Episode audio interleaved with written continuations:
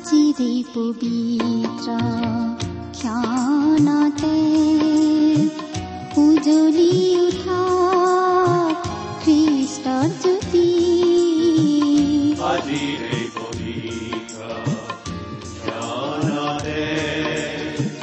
উজ্বলি উঠা খ্ৰীষ্টৰ জ্যোতি আকাশ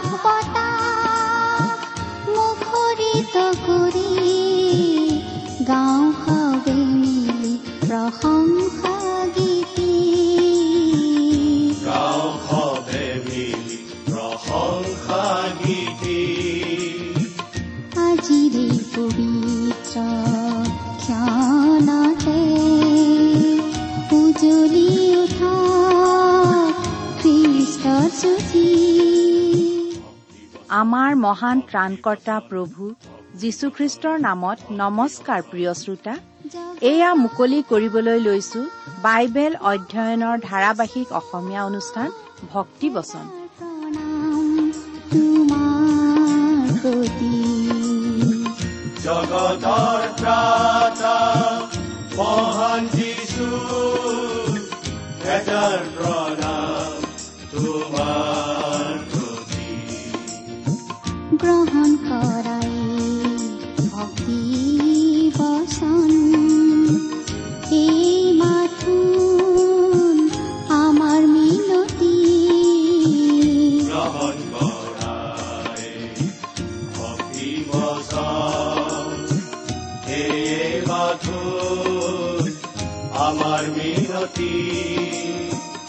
আকাশ বতাহ মুখৰিত কৰি গাঁও সবে মিলি প্ৰশংসা গীতি। গাঁও সবে মিলি প্ৰশংসা গীতি। আমাৰ মহান ত্ৰাণকৰ্তা প্ৰভু যীশুখ্ৰীষ্টৰ নামত নমস্কাৰ প্ৰিয় শ্ৰোতা। আশা কৰো আপুনি আমাৰ মহান পিতা পৰমেশ্বৰৰ মহান অনুগ্ৰহত ভালে কুশলে আছে। লগতে এই বুলিও আশা কৰিছো যে আপুনি আমাৰ এই ভক্তিবচন অনুষ্ঠানটো নিয়মিতভাৱে শুনি আছে। আমাৰ বহুতো শ্ৰোতাই আমালৈ চিঠি লিখে আৰু এই অনুষ্ঠান শুনি উপকৃত হোৱা বুলি বহুতে আমাক জনায়। তেনেকুৱা চিঠিবোৰে আমাক কাম কৰি যাবলৈ যথেষ্ট উৎসাহ যোগায়। আপুনি বাৰু কেতিয়াবা আমালৈ চিঠি লিখিছেনে? অনুগ্ৰহ কৰি আজি এই দুখাৰিমান লিখি পঠিয়াবচোন। এই অনুষ্ঠানযোগে প্ৰচাৰ কৰা কোনো কথা অধিককৈ বুজিবলগীয়া থাকিলেও আমালৈ লিখিব পাৰে।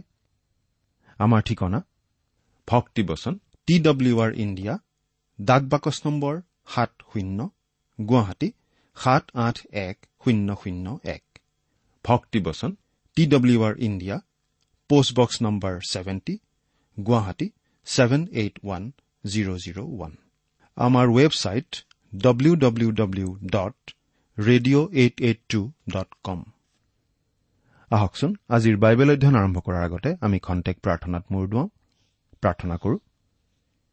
আমাৰ স্বৰ্গত থকা মৰমীয়াল পিতৃ ঈশ্বৰ তোমাক ধন্যবাদ জনাওঁ কাৰণ তোমাৰ মহান বাক্য বাইবেল শাস্ত্ৰ অধ্যয়ন কৰিবলৈ তুমি আমাক আকৌ এটা সুযোগ দান কৰিছা।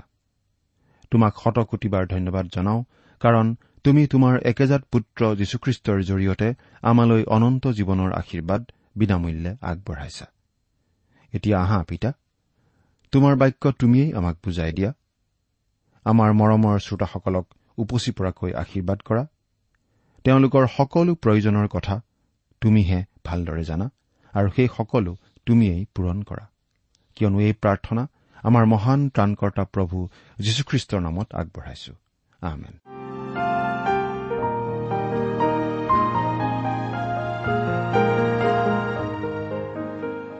প্ৰিয় শ্ৰোতা আপুনি বাৰু আমাৰ এই ভক্তিবচন অনুষ্ঠানটো নিয়মিতভাৱে শুনি আছেনে?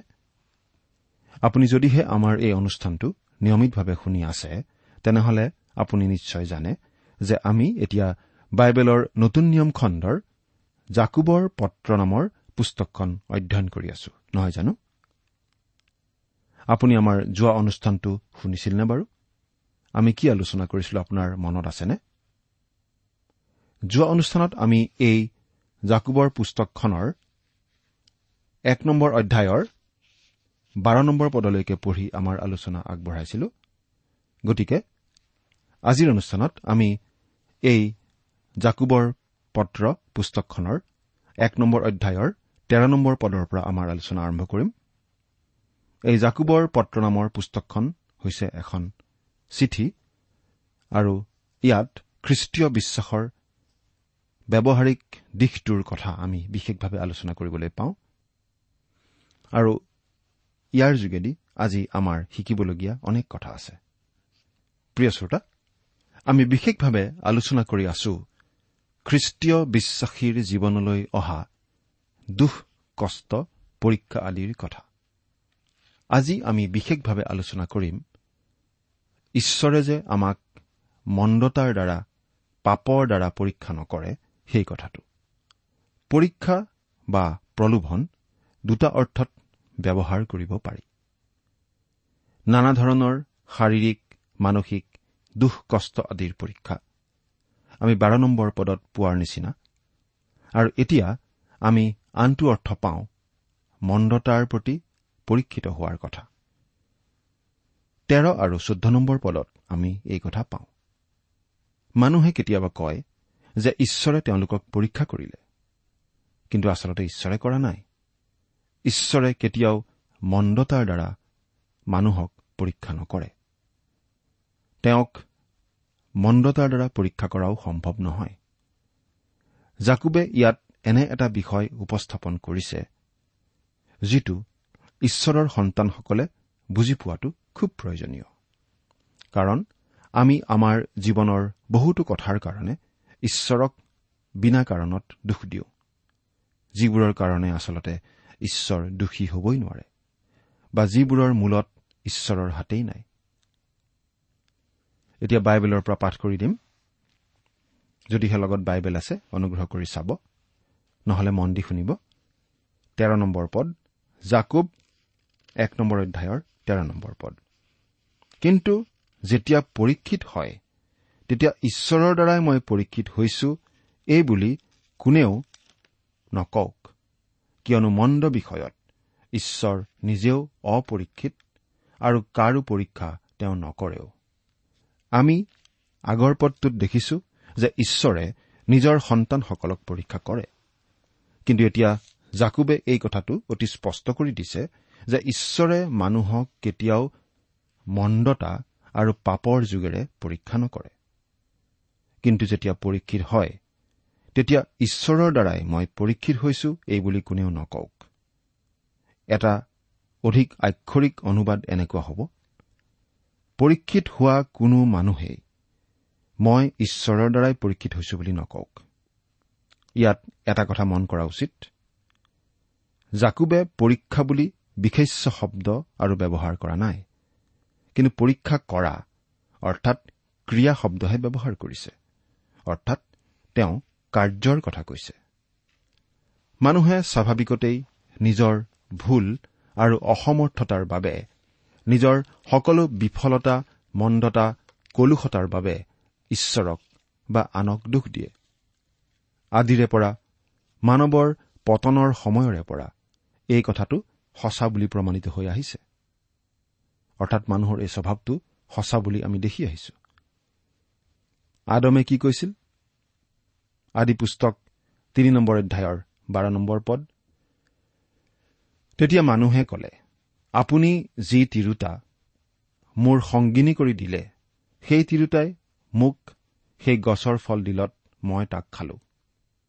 আদমে আচলতে দুখটো ঈশ্বৰৰ গাত দিয়াৰ নিচিনা হৈছিল। ঈশ্বৰে সেই তিৰোতাগৰাকী দিয়াৰ কাৰণেহে আদমে যেন সেই কামটো কৰিব লগা হ'ল। তেনেকুৱা ধৰণৰ ভাৱ এটা প্ৰকাশ পাইছে। আৰু মহিলাগৰাকীয়েও একেই কৰিছিল। তাৰ পিছৰ পদটো চাওঁ আদি পুস্তক তিনি অধ্যায় তেৰ নম্বৰ পদ। পাছে ঈশ্বৰ জীহুৱাই নাৰীক কলে তুমি এইটো কি কৰিলা? নাৰীয়ে কলে সৰ্পই মোক ভোলালতহে মই খালো। অৰ্থাৎ দুখটো যেন সেই সৰ্পৰহে। কিন্তু আচলতে তিনিওজনেই দোষী আছিল। সেই পুৰুষ সেই নাৰী আৰু সেই সৰ্প। আমি প্ৰায়েই এনেকুৱা ধৰণৰ প্ৰশ্ন শুনিবলৈ পাওঁ। ঈশ্বৰে কিয় বানপানী ভূমিকম্প আদি পঠিয়াই কেঁচুৱাৰ মৃত্যু হবলৈ অনুমতি দিয়ে? আমি মানুহৰ লোভ অৱহেলাপূৰ্ণ মনোভাৱ স্বাৰ্থপৰ স্বভাৱ আদিৰ কাৰণে ঈশ্বৰক দোষ দিওঁ। কিন্তু আচলতে বানপানী আদিৰ মূল কাৰণ মানুহেই বুলি আমি ক'ব পাৰোঁ। মানুহে নদীৰ একেবাৰে কাষ চাপি গৈ গৈ বসতি কৰে। নীতি নিয়ম ভংগ কৰি নিৰ্মাণ কাৰ্য চলায়। আৰু যেতিয়া স্বাভাৱিকভাৱে বাৰিষা পানী আহে বানপানী আহে মানুহে ঈশ্বৰক দোষ দিয়ে। কিন্তু মানুহে ভাবে একেবাৰে নদীৰ পাৰতেই ঘৰটো বনোৱা ভাল যাতায়তো সুবিধাজনক হয় বেপাৰ বাণিজ্যও ভাল হয়। অৰ্থাৎ আচলতে মানুহৰ লোভ খক স্বাৰ্থপৰতা আদিয়েহে মানুহক তেনে বিপদজনকভাৱে নিৰ্মাণ কাৰ্য চলাবলৈ বাধ্য কৰে। আপুনি যদিহে পৃথিৱীৰ কিছুমান ঠাইত বসতি কৰিবলৈ যায় তেনেহলে তাত ভূমিকম্প হোৱাৰ সম্ভাৱনা আছে বুলি জানি বুজি বসতি কৰাৰ নিচিনা হ'ব। ভূতত্ববিদসকলে আমাক জনাই দিছে যে কিছুমান অঞ্চলত অতি ভয়ংকৰ ভূমিকম্প হোৱাৰ সম্ভাৱনা থাকে।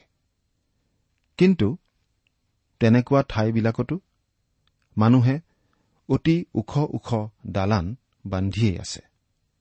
তেনেকুৱা ওখ অট্টালিকাৰ পৰা পকা দেৱাল এখন বাগৰি পৰি কোনোবা আপোনজনক মাৰিলে। আমি জানো ঈশ্বৰক দোষ দিয়াৰ কিবা যুক্তি থাকিব পাৰে? আন নিৰাপদ ঠাই অনেক ঠাই য'ত আমি নিৰ্মাণ কাৰ্য চলাব পাৰো। কিন্তু আমি কিছুমান ঠাই নিৰাপদ বুলি জানিও তালৈ যাব নোখোজো। আৰু কিছুমান ঠাই বিপদজনক বুলি জানিও সেইবোৰ ঠাইতে আমি থাকিবলৈ ভাল পাওঁ। কিন্তু ভূমিকম্প আহিলে আমি ঈশ্বৰক দোষ দিয়া উচিত নহয় কাৰণ সেইবোৰ ঠাইত ভূমিকম্প অহাৰ সম্ভাৱনা অধিক বুলি আমাক আগতেই জনাই দিয়া হৈছে। নিজৰ নিজৰ দৰ্শন আদিৰ যোগেদিও মানুহে ঈশ্বৰক দোষ দিয়ে। কিছুমানে কয় ঈশ্বৰ সৰ্বত্ৰ বিৰাজমান। কিন্তু সততা ঈশ্বৰৰ সোঁহাত আৰু মন্দতা ঈশ্বৰৰ বাওঁহাত। এইবুলি কিছুমানে কয়। ভাগ্যবাদীসকলে কয় যে সকলোবোৰ এটা নিৰ্দিষ্ট কিন্তু অন্ধ উদ্দেশ্যত ঘটি আছে। তেওঁলোকে কয় যদিহে কোনো ঈশ্বৰ আছে তেনেহলে তেওঁ এই বিশ্ব ব্ৰহ্মাণ্ডখন এটা আঠদিনীয়া ঘড়ীৰ নিচিনাকৈ চাবি দি পকাই থৈছে আৰু তেনেদৰেই এৰি থৈ গুচি গৈছে। আনহাতে বস্তুবাদীসকলে ক'ব খোজে যে মানৱ জাতিৰ সমস্যাটো হৈছে এইয়ে যে মানুহৰ আকাশলংঘা উচ্চাকাংক্ষা আৰু জঘন্যতম আৱেগ আদি এটা স্বাভাৱিক জৈৱিক প্ৰক্ৰিয়াৰহে ফল। কিন্তু এনেধৰণৰ দৰ্শন সকলোৰে বিপৰীতে। ঈশ্বৰে তেওঁৰ বাক্যত উত্তৰ দিছে। ঈশ্বৰত কোনো মন্দতা নাই। তেওঁত আছে কেৱল সততা সকলো পোহৰ আৰু সকলো শুদ্ধ। জোহনে লিখা প্ৰথমখন পত্ৰত আমি এই বুলি পঢ়িবলৈ পাওঁ আমি যি বাৰ্তা তেওঁৰ পৰা শুনি তোমালোকক জনাইছো সেয়ে এই। ঈশ্বৰ পোহৰ। আৰু আন্ধাৰ তেওঁত এফেৰিও নাই। প্ৰথম জোহন এক নম্বৰ অধ্যায়ৰ পাঁচ নম্বৰ পদ। প্ৰভু যীশুৱে বিশেষভাৱে মন কৰিবলগীয়া মন্তব্য এটা কৰিছিল।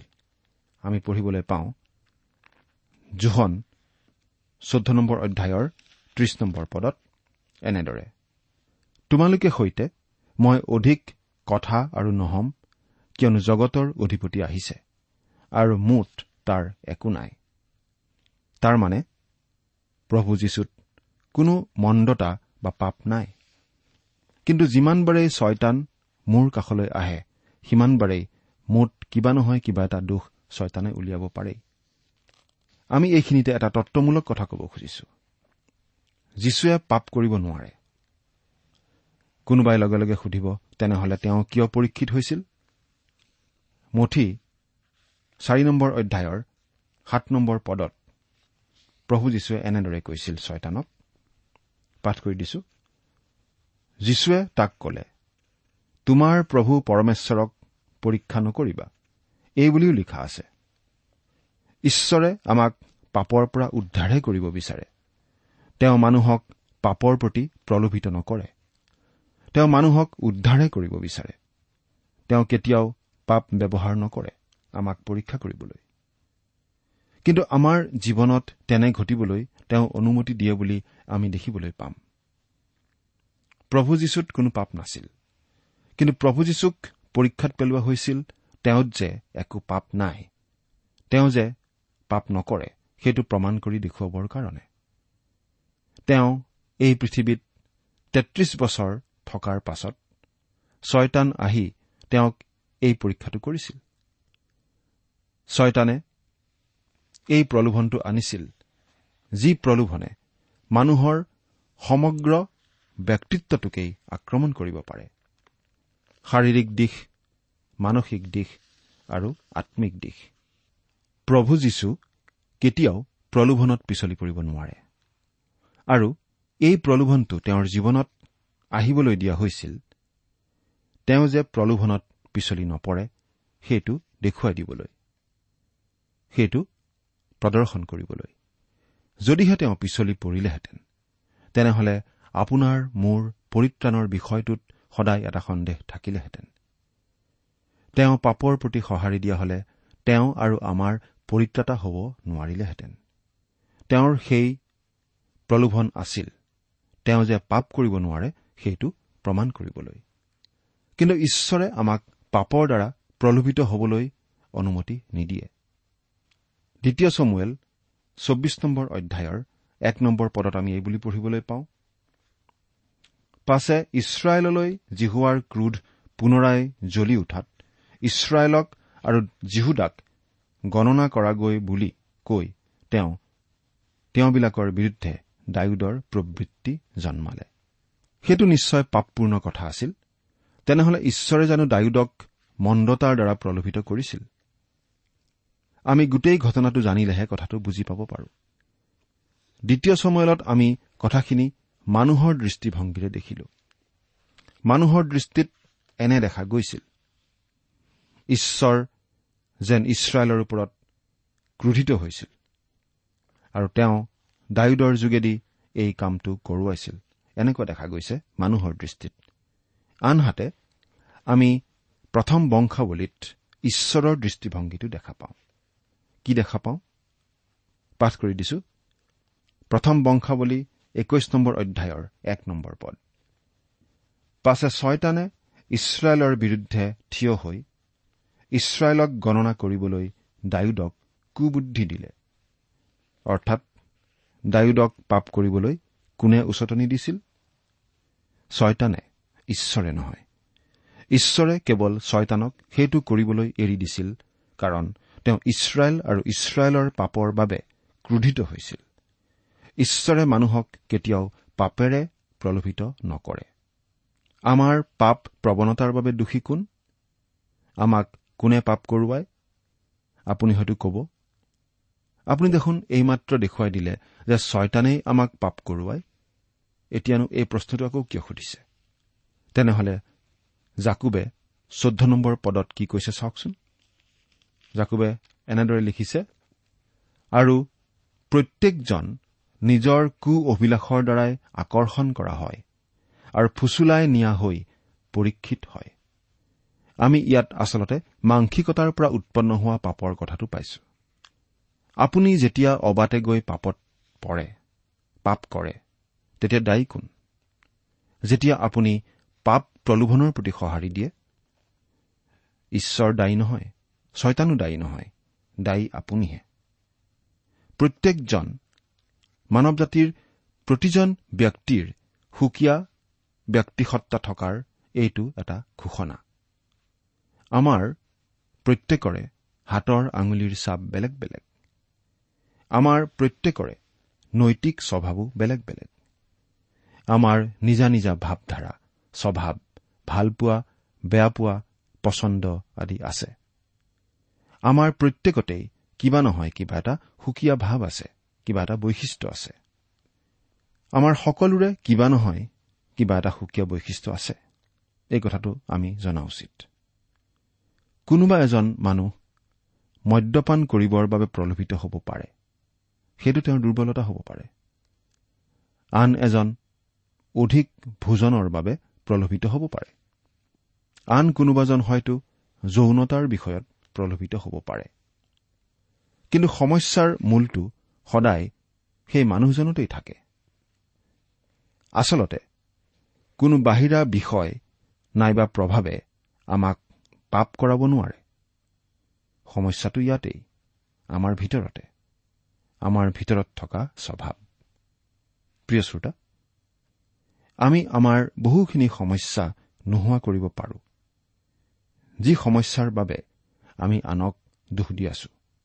যদিহে আমি পিতৃ ঈশ্বৰৰ সোঁহাতে বহি আমাৰ বাবে নিবেদন কৰি থকা জীৱন্ত প্ৰভু যীশুক এই বুলি কওঁ প্ৰভু মই এজন পাপী। মই দোষী। তেতিয়া তেওঁ আমাৰ দোষী ভাৱটো নোহোৱা কৰিব পাৰে আৰু কেৱল তেওঁহে আমাৰ মনৰ দোষী ভাৱ নোহোৱা কৰিব পাৰে। কাৰণ তেওঁহে আমাৰ পাপ ক্ষমা কৰিব পাৰে।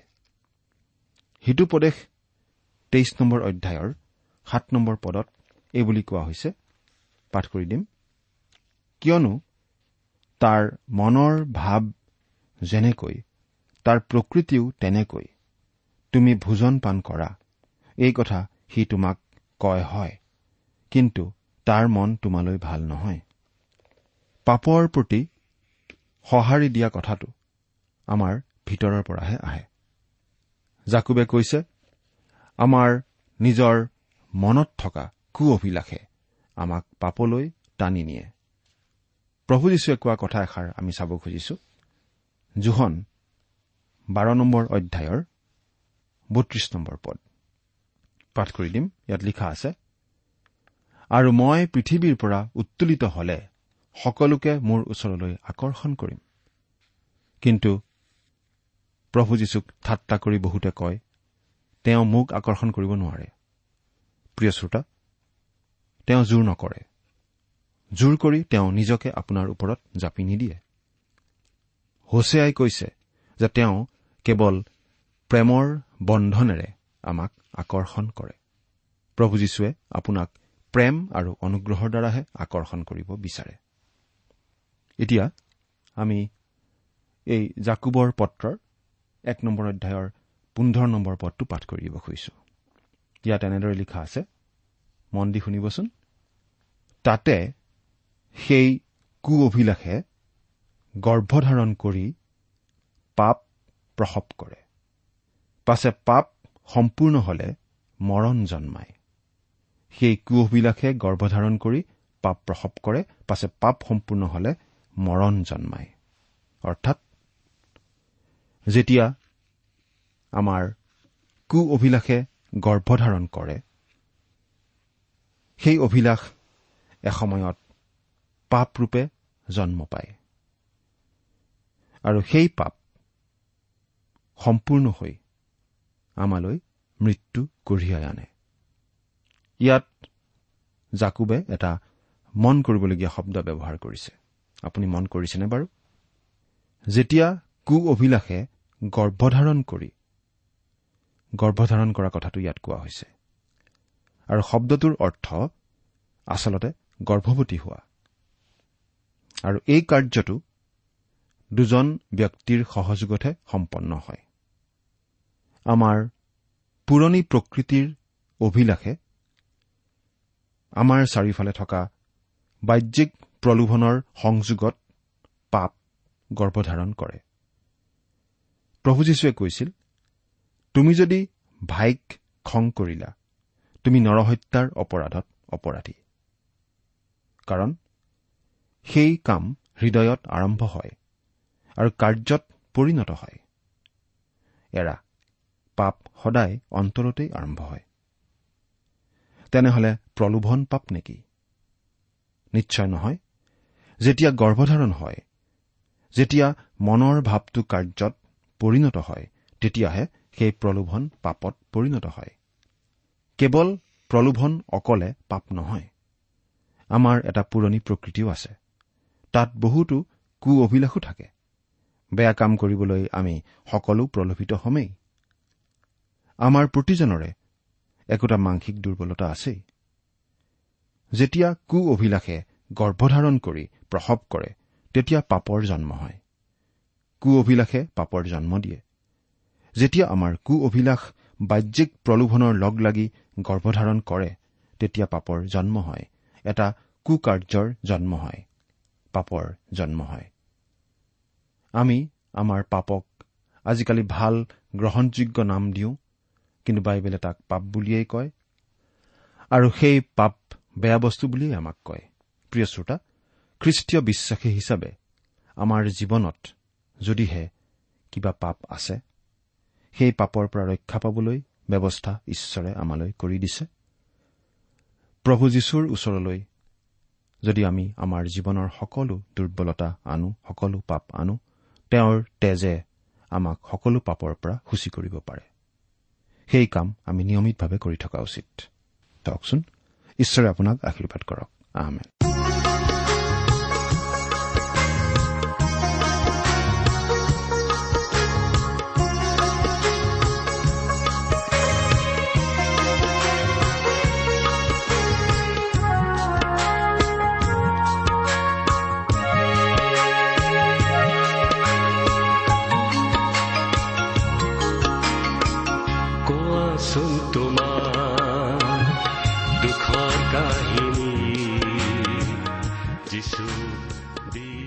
পৰে আপুনি ভক্তিবচন অনুষ্ঠানটি শুনিলে।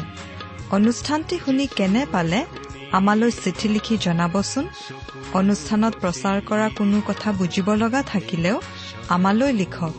আমাৰ ঠিকনা ভক্তিবচন টি ডাব্লিউ আৰ ইণ্ডিয়া ডাক পাকচ নম্বৰ সাত শূন্য গুৱাহাটী সাত আঠ এক শূন্য শূন্য এক। ঠিকনাটো আৰু এবাৰ কৈছো Bhaktibachan T W R India ডাক পাকচ নম্বৰ সাত শূন্য গুৱাহাটী সাত আঠ এক শূন্য শূন্য এক আপুনি ইমেইল যোগেৰেও আমাৰ সৈতে যোগাযোগ কৰিব পাৰে আমাৰ ইমেইল আইডিটো হৈছে Assamese T TV at radio' eight eight two dot com আইডিটো আকৌ এবাৰ কৈছো Assamese T TV at radio' eight eight two dot com আপুনি টেলিফোনৰ মাধ্যমেৰেও আমাক যোগাযোগ কৰিব পাৰে আমাৰ টেলিফোন নম্বৰটো হৈছে শূন্য তিনি ছয় এক দুই ছয় শূন্য চাৰি ছয় সাত এক। ফোন নম্বৰটো আকৌ এবাৰ কৈছো zero' three six one two six zero' four six seven one. আজিৰ অনুষ্ঠানটি ইমানতে সামৰিছো। ঈশ্বৰৰ শান্তি আৰু অনুগ্ৰহ আপোনাৰ লগত থাকক।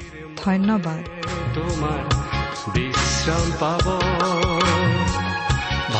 ভাৰাক্ৰান্ত জনেও জিৰণি পাব। যিচুৰ কাষলে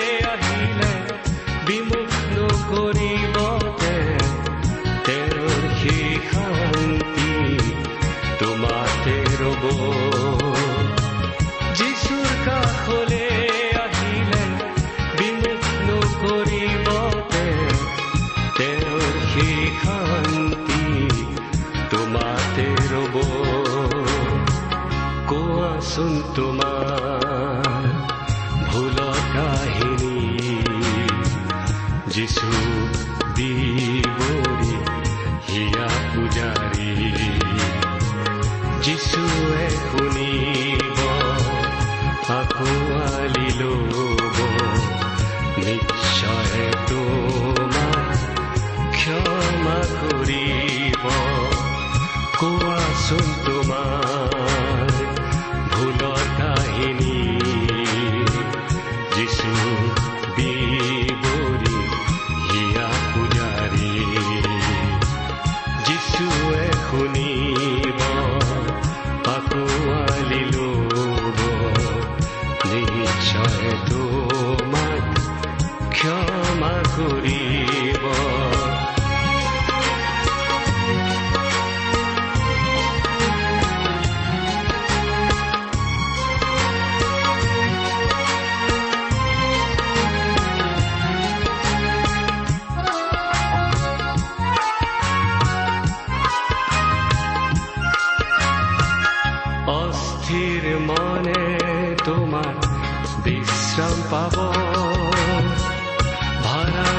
ভাৰাক্ৰান্ত জনে জিৰণি পাব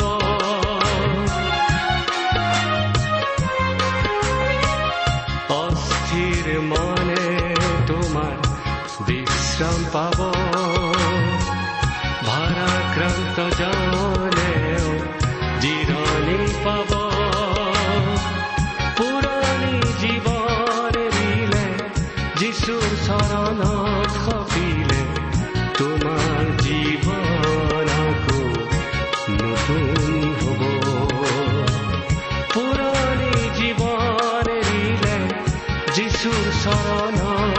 সপিলে তোমাৰ জীৱন